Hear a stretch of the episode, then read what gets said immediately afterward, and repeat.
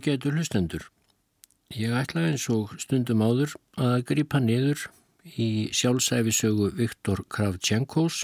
Ég kaus frelsið en þar var komið sögunni í samantækt minni upp úr íslenskri þýðingu bókarinnar að hungursneiðin ræðilega í Úgrænu stóð sem hæst og Kravtjenko hafði það hlutverk sem ennbættismadur á vegum kommunistaflokksins að sjá svo um að bændurnir fylgdu skipunum að ofan, skipunum sem voru beinlinnis orsök að hungursneiðinni ofurlegu.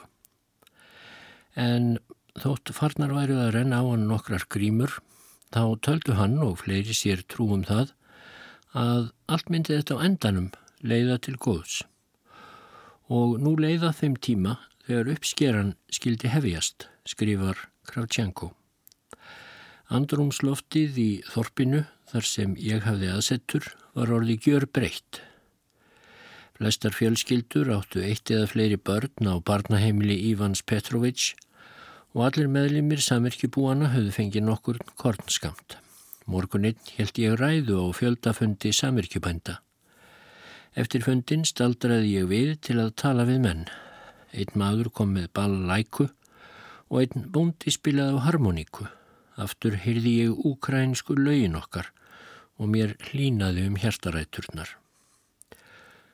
En þá kom ungur maður til mín. Það var auðséð að hann átti erfitt með að koma orðum að þeim skilabóðum sem hann átti að færa mér en að lókum saðan stamandi félagi fulltrúi þess er óskað að þér komið í ráðhúsið. Þar er einhver sem vil tala við yfir frá GPU. GPU, leini þjónustu sovjaska hersins. Þeir sem voru nógu nærri til að heyra hvað hann sagði hættu að syngja. Þessir þrýr óurlegu bókstafir voru eins og reyðar slag. Fréttin um að mér væri stemt á fund leinilögruglunar barstum allan hópin. Það var þögn. Það var eins og mér var þegar kunnugt frá stjórnundum samirkjubúana almennt álitið í þorpinu að mér myndi verða refsað fyrir að hafa látið fólkið fá mat. Í ráðhúsinu heitti ég laglega unga GPU-fóringjan sem ég hafði áður heitti í pólitísku deildinni, félagar mínir, Kopsar og Belusov voruðar líka. Ég beindi orðum mínum að Kopsar. Hvers vegna komið þér ekki á fund samirkjubændana í dag? Ég hafði beðið yður að koma. Því miður hafði ég annað að gera, muldraði hann súr á svipin. Mér langar að tala einslega við yfir félagi Kravtjenko, saði GPU-fóringin. Gott komi þá með til skrifstofuminnar á Samirkjubúinu.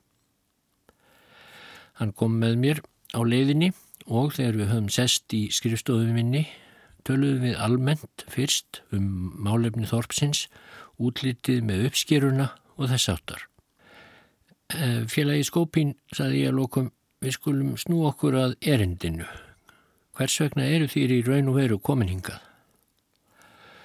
Jú, sjáu þeir til, saði hann, við höfum fengið ímsar skýrslur og opimberar yfirlýsingar um framkomu yðar hérna. Efni þeirra allra er að þér brjótið lögin, farið ekki eftir ströngustu fyrirskipunum flokksins og takið ekkert tillit til valdsmannana í þorpinu. Hvað eigið þér við, spurði ég, þegar þér segið að við höfum fengið? eigi þér við yfirmann pólitísku deildarinnar, er það hann sem hefur sendiður. Það kemur málinu ekkert við, saði GPU fóringin. Jú, það er einmitt höfuð atriðið, svaraði ég, hefur yfir verið falið að yfirheyra mig. Ég er hingað kominn, saði hann, til að tala vinsamlega við yfir einan, þetta er ekki neinn yfirheysla. Félagi skópinn, saði ég, Ég geri það sem ég álít rétt og ég ræði ekki framkoma mína við yður. Aðeins yfirmaður pólitísku deildarinnar hefur rétt til að leggja spurningar fyrir mig. Ég er löggiltur fulltrúi umdæmis nefndarinnar og ber ábyrð á gerðum mínum gagvart henni. Yfirvöldin heimafyrir eru skildugt til að hjálpa mér. Í stað þess þá hafast ennbættismennirnir ekkert annað að en að tróða í sig góðum mat á meðan fólkið, allþýðan sem við eigum að þjóna, deyr úr hungri. Ég hef skrá um hvern einstakann ennbættismann og hvað hann hefur fengið frá samirkjubúunum og úr byrðaskemmum þorpsins til eigin afnóta. Ég veit mjög vel hverjir hafa skrifað kærur á hendur mér, en ég veit líka að þeir halda drikkjuveislur fyrir sjálfa sig. Ég hef komist að mörgu síðan ég kom hingað. Ef ég á að segja satt félagi Kravchenko, saði GPU maðurinn, kom ég hingað engungu af sjálfstáðum. Yfir maður minn veit ekkert um það. Ég ákvaði að tala við yður áður en ég legði skjöl mín fyrir hann. Mér var sagt að þér hefðu tekið vörur frá rjómabúinu og af kaufélagsbyrðunum, að þér hafið útlutað mjölk til fólksins, mjölk sem ríkið ætti og þér hafið látið uppskera korn of snemma og útdelt korninu meðal fólksins. Þetta eru alvarlegir hlutir. Þetta eru egnir ríkisins. Gerið svo vel að afhenda skýslu í þar til pólitísku deildarinnar, sagði ég aðeins. Segið þeim að ég beri ábyrð á allum gerðum mínum. Ég skal koma þángað sjálfur í fyrramálið og leggja fram skýslu. Já, ég langar eður að sjá þorpið félagi skópín. Nei, ég hef ekki tíma til þess, saði hann. Já, ég verið þeir sælir. Að mínu áleti hef ég aðeins gert það sem skildan bauð mér. Verið þeir sælir, félagi, saði ég. Við sjáumst á morgun. Dæin eftir gaf ég félaga Sómanoff skýrslu. Það var alveg rétt hjá yður, sáðan við mig, að neyta að tala við skópin án samþykkis míns. Þessir slæpingjar í þorpinum yðar skrifa kærur sem einskonar tryggingu ef þér skilduð lenda í vandræðum. Ég veit að þér hafið lagt hart aðiður til að útvega fólkinu mat. Ég þekki áhættuna sem þér hafið tekið og auðvitað verði ég sjálfur látin bera ábyrð á því. Ef okkur tekst að bjarga uppskýrunni og sjáum afhendingu kortsins til ríkisins í tækatíð þá er öllu bjargað. En ef það tekst ekki þá verðum við báðir höfðinu stittri. Ég hef verið algjörlega hreinskilin við yður félagi Sómanov, saði ég. Ég hef sagt yður frá öllum atöfnum mínum í þáu fólksins en ég ætla sjálfur að bera ábyrðina. Hér er brefið sem þér senduð mér, þar sem þér tókuð fram að ég gæti að meiraði minna leiti gert það sem mér síndist. Takið við því. Hann tók við brefinu, stakði í vassasinn og kallaði félagi Skópín. Leini þjónustu fóringin kom inn Gerið svo vel að koma með allar skýrslur og yfirlýsingar viðvíkendi félaga Kravchenko. Skópin kom þá með þykkan böggul sem Sómanov tók við og rétti mér svo og gekk síðan út. Sómanov beigð meðan ég las skjölinn. Ég skrifaði hjá mér nöfnin á njóstnurum leinithjónustunnar sem höfðu gefið skýrslur um mig og ennbættismennum þeim sem höfðu kert mig fyrir að hafa gefið fólkinu mat. Sómanov lofaði því næst að eidilegja bökulinn og setti hann til bráðabyrða inn í enga peningaskápsinn. Ég kem á morgun til lógína og heittiður sjáuðum að embættismennirnir þar verði viðlátnir. Ég skal sína þeim í tvo heimana eins og þeir eiga skilið. Þegar ég kom heim bar ég nöfn njósnaranna saman við manntalið. Ég uppgötvaði að þeim hafi verið drift vandlega um allt héradið. Einn njósnari vann í kaufélaginu, annar í rjómabúinu, sá þriði í stjórn samirkjubúsins. Sá fjörði var svo bifræðastjóri á dráttarfélastöðinni. GPU hafði komið augum sínum og eirum vandlega fyrir, svo að leini þjónustan gæti séð og heyrt allt og fylst með öllu. Ég sá að bakvið þau yfirvöld sem í orði kveðinu höfðu völdin með höndum og hýna fjármálarlegu leðtoga þá var net af njóstnurum frá leinilauruglunni og öðrum sem unnu fyrir flokkin en vissu sjálfnast hverjum annan. Að baki hinnar sínilegu stjórnar var hinn raunverulega stjórn. Setna um daginn hitti ég Ivan Petrovic sem hafði tekið að sér börnin í þorpinu. Hann bókstaflega ljómaði af áhuga á starfi sínu.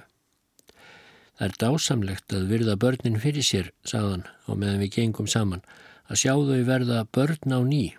Okkur er öllum ljós svo áhætta sem þér hafið tekið á yður. Ef ég á að tala hrinskilnislega við yður, þá er allt þorpið kvíðafullt út af því að þér hafið verið bóðaður til GPU. Það er engin ástæða til kvíða, saði ég brosandi. Guðurinnir eru mér hliðhóllir. Það minnstu kosti hafa þeirri verið það til þessa. En það gleður mig að bændunum er þetta ljóst. Nú er komið að þeim að gera eitthvað fyrir mig en reyndar jafnframt fyrir sjálfa sig. Uppskeran byrjar bráðlega. Mér langar til að því láti það berast, ef slæpingi er einhver staður að finna, að ég óski ekki eftir neinu þakklæti, ég krefst bara vinnu, mikillar vinnu, dag og nótt við að koma uppskerunni í hús. Segið við á, samirkjubændur, ef þið viljið bjarga höfði félaga Kravtjankós, þá skerið kornið upp, þreskið að og skilið því samkvæmt áallun. Það er ekki auðvelt fyrir mig að byggja fyrir sjálfan mig en þér getið kannski gert það. Þér megið vera vissum það að ég mun gera það sem þér segið, sagði Ivan Petrovic. Þér eigið vinni hérna. Þér megið treysta því að ef einhver ætlar að draga af sér við vinnuna þá getur hann farið fjandans til því við munum sínunum í tvo heimana. Sómanov var þegar kominn þegar ég kom til ráðhúsins næsta dag. Ég heyrði drinjandi rött hans áður en ég var komin inn. Allir ennbættismennir heima fyrir voru þar samankomnir, þar með talin byrðastjórin. Félagi Kravtjenko er stjórnandi hér, lísti formaður politísku deildarinnar yfir, fyrir skipanir hans eru lög. Tímin er naumur og við höfum enga orku aflögu til að hlusta á þvættingiður, hefist handa og hjálpið honum. Fariði sjálfur út á akrana, það mun bæta hilsu ykkar og hér kemur hinn laugildi fulltrúi í eigin personu. Hann hilsaði mér hjartanlega eins og hann hefði ekki séð mig í mörg ár. Þetta var áberandi vináttumerki sem átti að hafa áhrif á óvinni mína.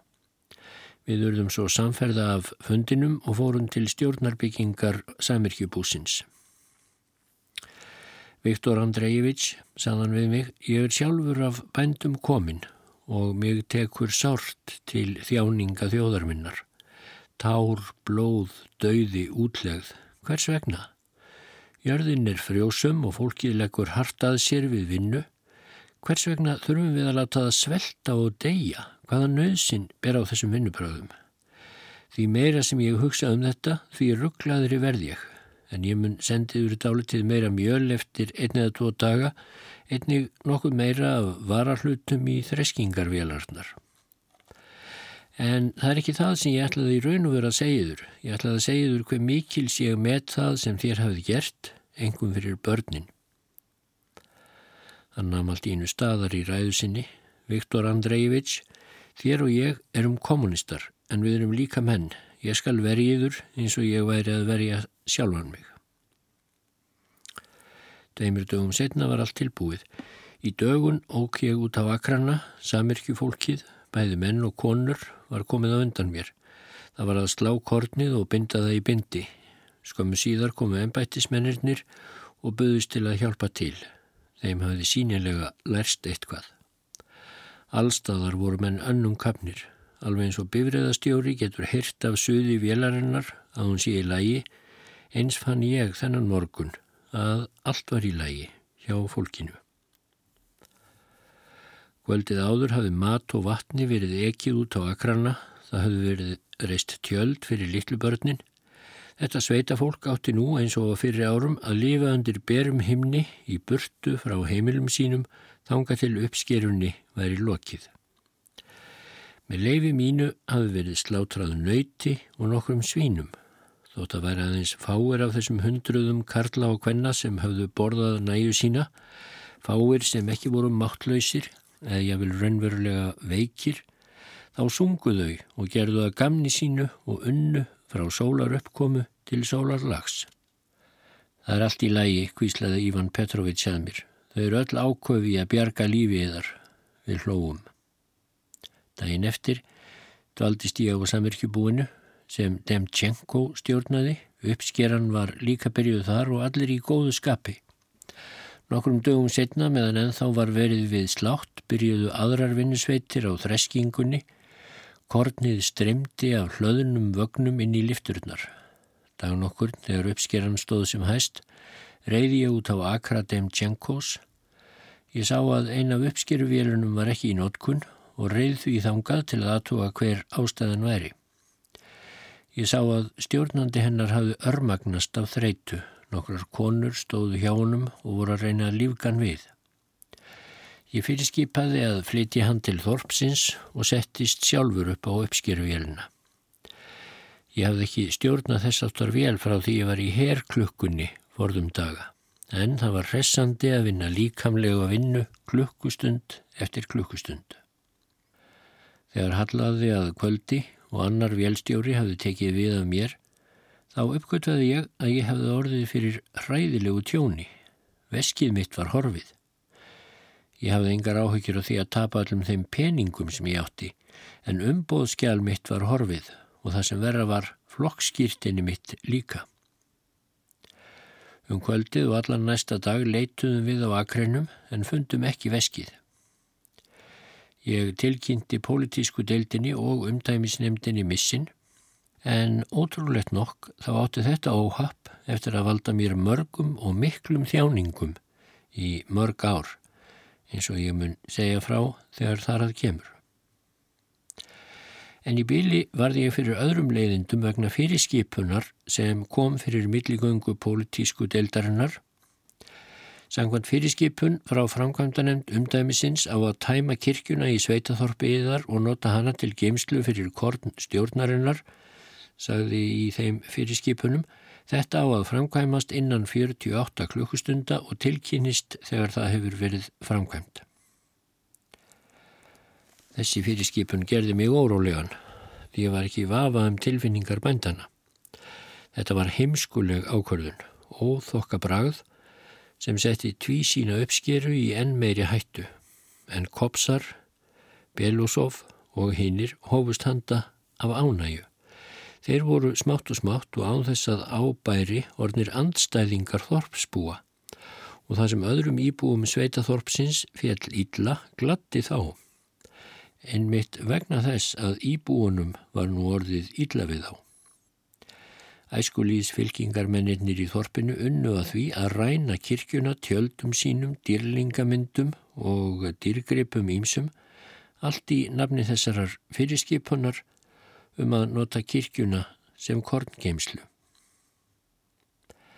Fréttin breyttist eins og skóareldur um agrana. Tugir bænda köstuðu frá sér verkværunum og skunduðu til þorpsins til að vernda kirkjuna sína.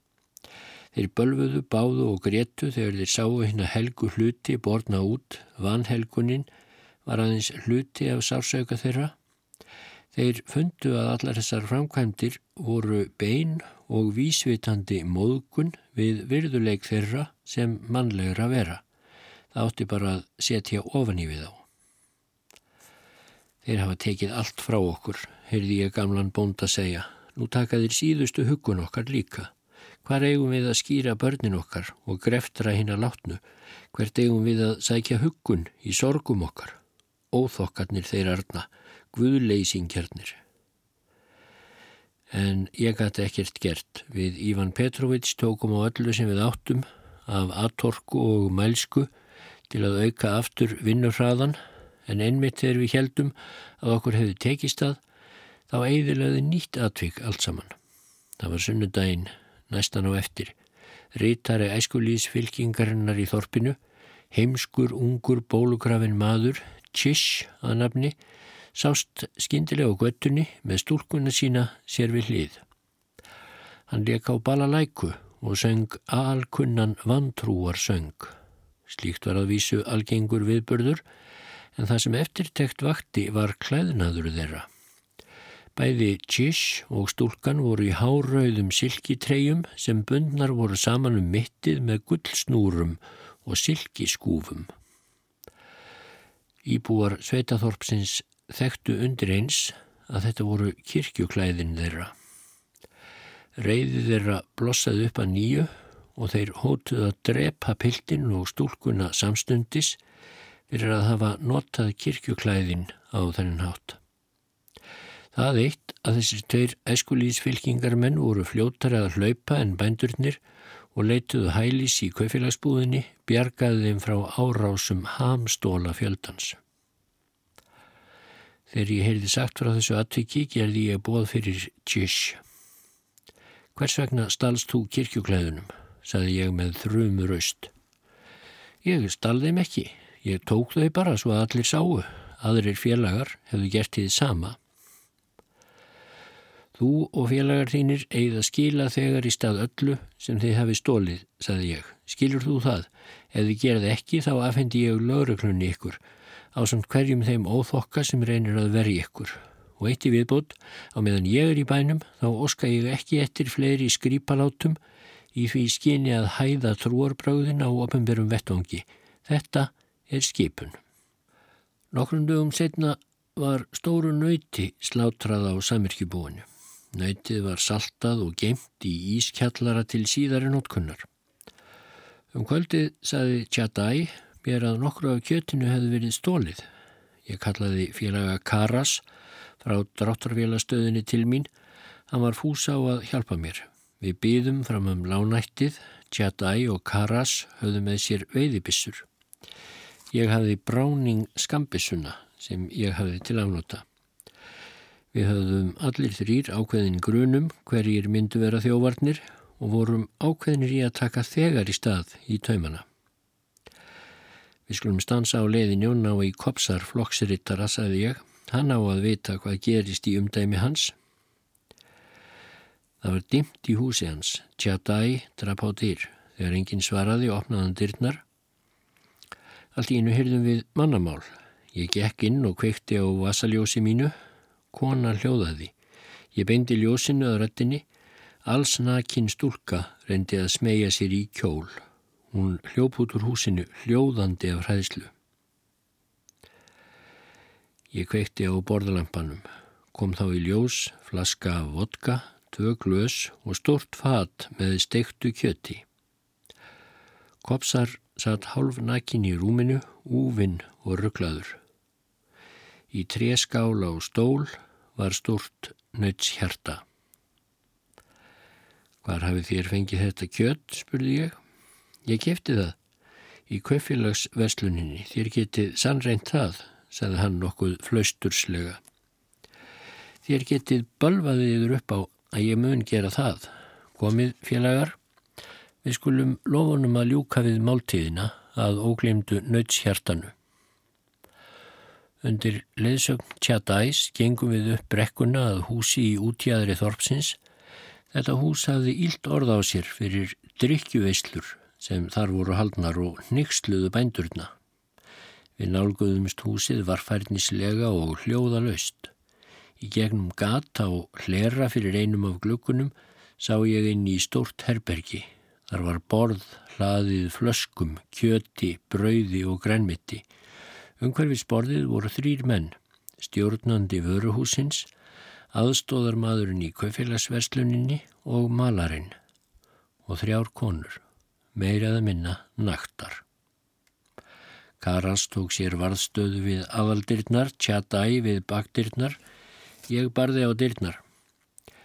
Hver er þarna? rópaði hrætturöld. Hinn löggildi fulltrúi Kravtjenko, svaraði ég. Opnið dyrnar tafarlaust eða ég skýt. Dyrnar voru opnaðar. Skemtuninn hafði breyst á sveipstundu í uppnám og ofsarhæðslu.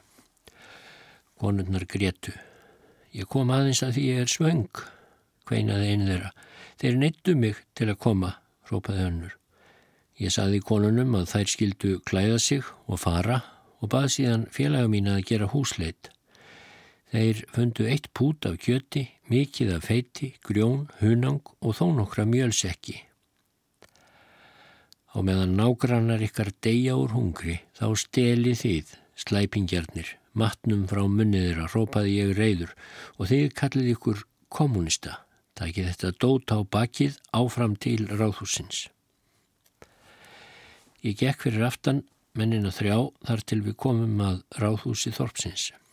Um morgunin kom svo lauruglan og farið var með þjófana þrjá til umtæmis miðstöðuðarinnar í Pjatikatski til yfirheyslu. Bændurnir örðu mjög neykslaðir að vonum þegar orðurómurunum þetta breytist út. Þér hefðu ekki átt að draga þá fyrir dóm, sögðu margir bændana við mig. Við hefðum vitað betur en domstólarnir hvað hefði átt að gera við þá félaga. En þegar byrjað var að skila hennu nýja korni í korngeimsluna rétt hjá hjáttbrötarstöðinni, þá gerði ég aukvöldun sem kom mér til að skjálfa af skjelvingu. Í húsinu sem gert var úr múrsteinum var rúað upp mörgum smálestum af korni frá fyrra ári. Þetta voru varabyrðir þær sem ríkistjórnin hafði fyrirskipað handa héræðinu og hafðu ennbættismennirnir lengt þeim fyrir sveltandi íbúum.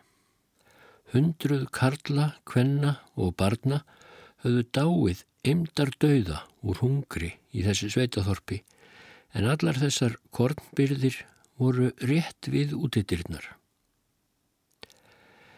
Bændurnir sem voru með mér þegar við fundum þessar varabyrðir ríkisins störðu vantrúaður á þetta og bölfuðu af reyði. Ég skildi það auðvitað vel en ég let þá samt lofaði hátilega að segja ekki neitt um þetta því ég ótaðist að fréttin eidilegði siðferðistreg fólksins.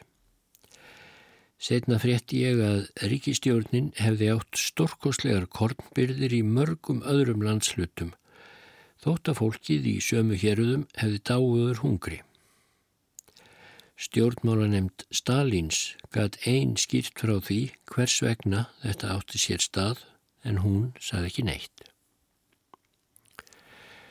Brátt var uppskerjunni í raun og veru lokið. Einn blíðviður í stag og ég í rökkurinn út á akrana í léttivagni. Ég heyrði uppskýrusöngi í fjarlagð, fallegan blandaðan kór, karlmanns og kvennmannsratta. Þau sungu nú aftur, eftir allan dauðan og þjáningarnar. Þetta var hið blessaða látleysi og hinn takmarkalösa góðvild hinnar úkrænsku þjóðar. червона калина похилилася, чогось наша славна Україна зажурилася.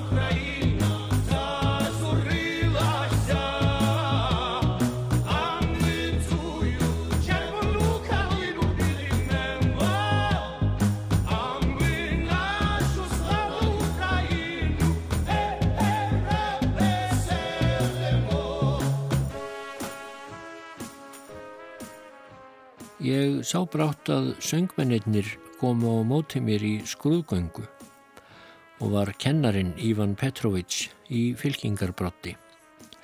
Þetta var sjón sem hlýjaði mér um hjartaræturnar.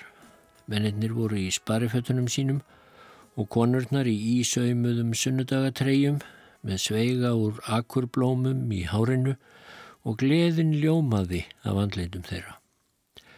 Ég stöðvaði hestin og steg niður á vagninum. Skrúðgangan kom alveg að mér og nafn staðar. Í henni voru um 200 sveitafólks, karlar og konur. Viktor Andrejević, saði kennarin með hári röttu, svo að allir gáttu hyrt til hans. Við höfum gert það sem við lofuðum. Uppskeran er komin í hús, tíu dögum fyrir hinn ákveðina tíma. Þér hafið séð hvernig við unnum. Þar eða við vorum flest eins og yður er kunnugt Máttu hana af sulti eftir ræðilegan vetur og skjelvilegt vor, þá er þetta raunverulegt afreiksverk. Ég þakka yður Ivan Petrovic, saði ég, og ég þakka ykkur öllum félagar. Skrúðgangan leistist upp, spilað var á harmoníku og unga fólkið dansaði. Tjadai og Demchenko komin til mín. Á árinu sem liðið var frá síðustu uppskeru hafði næstum því helmingur af íbúum sveitaþorpsins dáið úr hungri og hungur sóttum. Nú hafðu þeir sem eftir voru byrjað á lífinu að nýju. Ríkið myndi taka mestan hluta nýja kornsins en uppskeran var góð og það sem eftir yrði myndi verða næstum því nægilegt til að halda við lífinu eitt ár í viðbútt. Háttíð var haldinn undir berum himni á ökrum dem Tjenkós og þótt ég þyrti að skrifa áriðandi bref þá gæti ég ekki neitað beðni hans um að taka þátt í henni. Hundruðu sveita fólks höfðu sapnast saman um hverju sporðin, leiksviðið var uppljómað af ljóskerum og stórum bálkostum og eftir að menn höfðu tekist í hendur óskað hverjaðurum til hamingju og haldi ræður í margar, margar klukkustundir þá laug með degisverðinum með hljómlist og dansi. Hérna virtust líka hafa lefnað vonir um nýtt líf. Í herbergi mínu skrifaði ég þessa nótt loka skýrslu mína til pólitísku deildarinnar og tilkynnti að ég hefði lokið ætlunarverki mínu tíu dögum fyrir hinn ákveðina tíma. Ég tilkynnti einnig handtöku þjófana og lagði til að Koptsar, Tjish og ymsum öðrum samstarfsmönnum yrði vikið frá störfum. Þegar ég nokkrum dögum setna var á eftirlitsferð á einum akrinum, heyrði ég allt í einu hljóðmerki bifreiðar. Ég varð forviða þegar ég sá margar fallegar stórar bifreiðar koma akandi niður veginn. Það var augljóst að hér hlutu háir herrar að vera á ferð. Ég kerði hestin spórum og hann brokkaði í áttina til bifræðina. Er námi staðar og hálf tilt manna stegi út úr þeim. Eitt þeirra kom til mín. Ég þekkti að það var félagi Hatajevits. Ég stegi af baki og gekk til hans. Við tókumst í hendur. Síðan saðan alvarlegum rómi félagi Kravtjanko hvenar luku þér uppskerunni. Fyrir þreymur dögum en það var tíu dögum á undan áallun í þessu hér aði. Ég hef frétt það, saði félagi Hatajevits, en ég hef frétt fleira. Hver veitir yður til dæmis leifi til að slá hafra og bygg og útluta mjölk stjórnarinnar? Hvers vegna hefur þér bannað að vinna gegn trúarbröðunum? Hvernig stendur á því að þér tæki það upp hjá sjálfum yður? Eru þér agaður flokksmaður eða eru þér einhvers konar stjórnleysingi? Félagi Hatajevits, svaraði ég rólega, ég gati ekki hagað mér öðruvísi. Börnin voru að því komin að deyja úr hungri. Hestarnir voru að því kominir að dreppast, samirkjubændurnir hafði ekki næga orku til uppskerunar. Ríkið hefur nú fengið sitt kort með röð og reglu og fyrir hinn ákveðina tíma.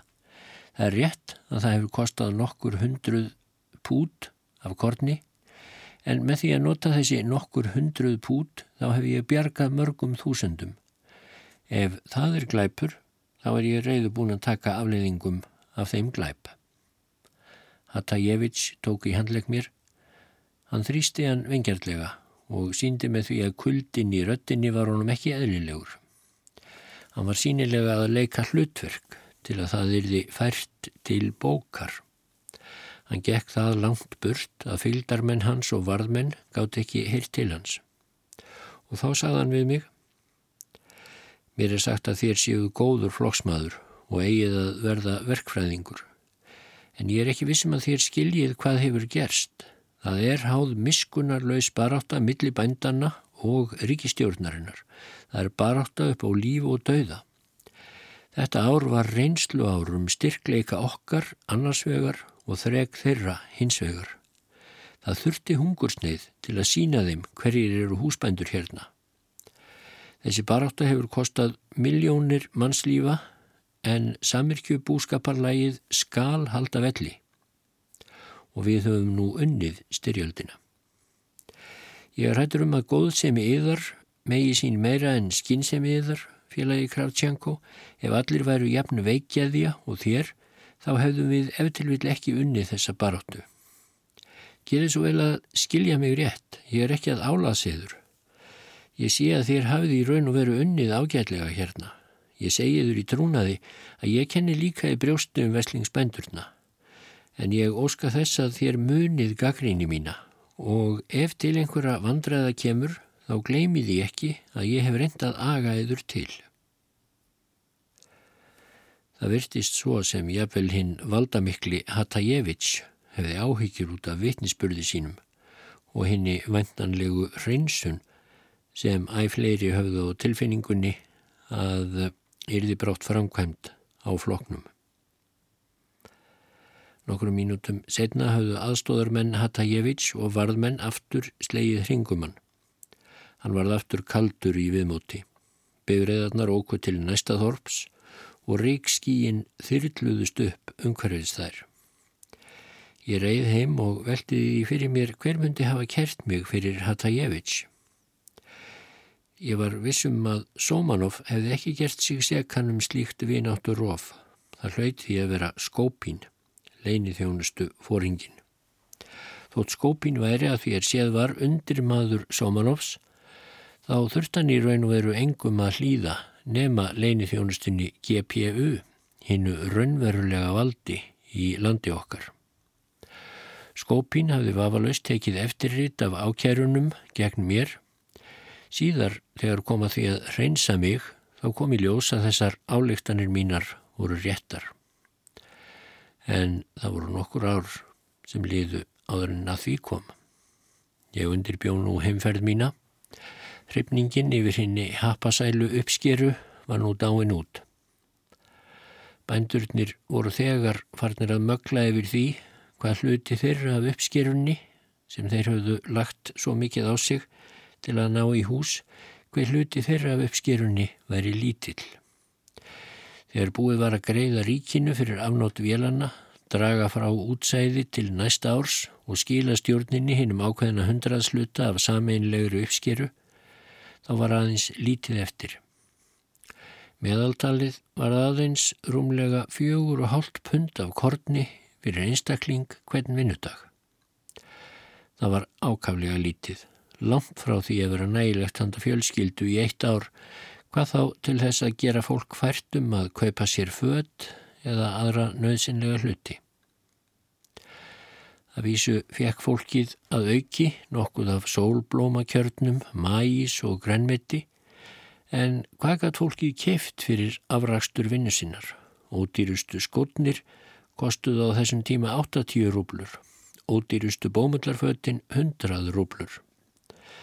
Með því ofinbera verði sem ríkið greitti fyrir korn fengu samirkjubændurnir svo lítið fyrir vinnu sína að næstum heils árs vinnu þurfti til þess að kaupa einn klæðinað eða eina skó. Þar eð það var sama stjórnin sem kefti kornið og seldi skóna og ákvað verðið á kóru tveggja bara eftir sínum eigin gethóta þá var þetta í sannleika fyrirkomulag margfalds arðuráns en leinilögruglan og embættismenn flokksins voru látnir framkvæma þetta miskunarleysi í fjármálum stuttir ofbeldi ríkisins. Sumir bændana kunnu eftir vil ekki að skrifa en þeir skildu allir allt og vel þetta hróplega ránglæti. Sósialismi nöldruðir, rán væri meira réttnefni. Ég hafði hitt Júri vinn minn nokkrum sinnum þessa mánuði. Í eitt skipti hafði ég beðið honum vægðar hjá pólitísku deildinni. Hann hafði mist kjarkin vegna þess sem hann hafði séð og var dapur í bræði vegna þess að uppskeran hjá honum gekk miklu verð en hjá mér. Ég let mér mjög andum Júri. Hvernig átti ég að hafa grunum að hann myndi á komandi árum verða eitt þeirra sem ákjærðu mig þegar ég ætti í pólitískum erfiðleikum.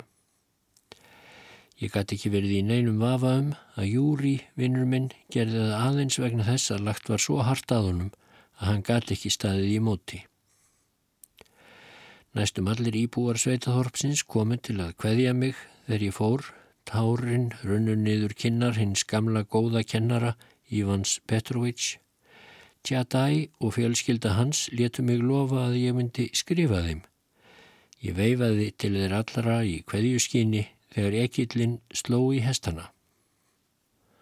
Það var svo ekki auðvelt fyrir mig að samlaga mig hverstasleik hins venjulega lífs þegar ég kom úr hungursneiðar héröðunum. Nám mitt í skólanum, verksmiðjufundurinnir, flokksfundurinnir, já, jábel venjur heimilsins fundust mér hegómi í ljósi endurminninga minna frá sveitinni. Ég var uppstökkur og óþólinnmóður. Fadur minn reyndi nokkur um sinnum að fá mig til að gefa samfelta skýrslu um það sem fyrir mig hafi borið en gafst svo upp við það. Með tímanum þroskast hjá kommunistum eins konar ónæmi gagvart pólitíska orðaglamrinu í blöðunum, útvarpinu og á fundum en nú þreyttiði mig næstum því eins og það veri líkamleg þjáning. Þegar ég lít aftur er mér nærri að halda að einst inni með sjálfum mér hafi ég á þessum tíma byrjað að losna úr tengslum við flokkin. Þá þegar. Freyðjuverkin í Sveitaþorpinu höfðu skilið eftir sár í sálminni sem aldrei hefur læknast. En einmitt af þeirri ástæðu reyndi sáhlut í huga míns sem ég var mér meðvitandi um að leita í örvendingu eftir úræðum, eftir sáttum við samvisku mína. Hvernig gæti það öðruvísi verið þegar eina ráði til að halda lífinu var að sættast við veruleikan sem ekki var umflúin. Það er engin hægðarleikur að segja sig úr floknum. Það er ekki einu sinni hægt að draga úr störfum sínum eða sína nokkurt vittni um þverrandi trú. Þegar maður hefur einu sinni gengið í flokkin, þá var hann fastur fyrir fullt og allt. Það var að vísu hægt að reka mann úr flokknum og það leti til ófara fyrir hann, en maðurinn sjálfur gæti ekki gengið úr flokknum.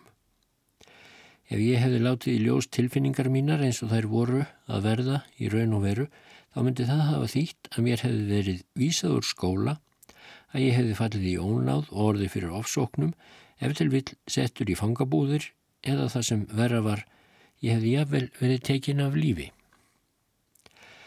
Það var því kníjandi nöðsin að kæfa þessar tilfinningar, að byrja þær í undri meðvitundinni. Ég leitaðist því við að endur nýja hotlustu mína við flokkin og þar sem hreinsunin stóð fyrir dýrum var það enn brítni nöðsin. Það hafði verið skipaðar hundruðir hreinsunar nefnda. Brátt myndu þær hef ég ofinberð fundahöld sín í verksmiðjum, skrifstofum, stopnunum og skólum.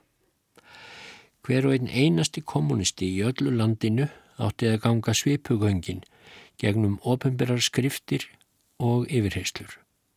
Vitundin um hinn ósýnilegu aug og eiru kvaldi okkur nú meira en nokkru sinni áður. Vitundin um hinn þykku hefti sem enga líf okkar og hugsanir var skrifað í. Vitundin um persónulega óvinni okkar sem njósnuðu um okkur og gáttu notað tækifæri til að koma upp um raunverulegar eða ímyndaðar syndir okkar. Skildi ég standast prófið.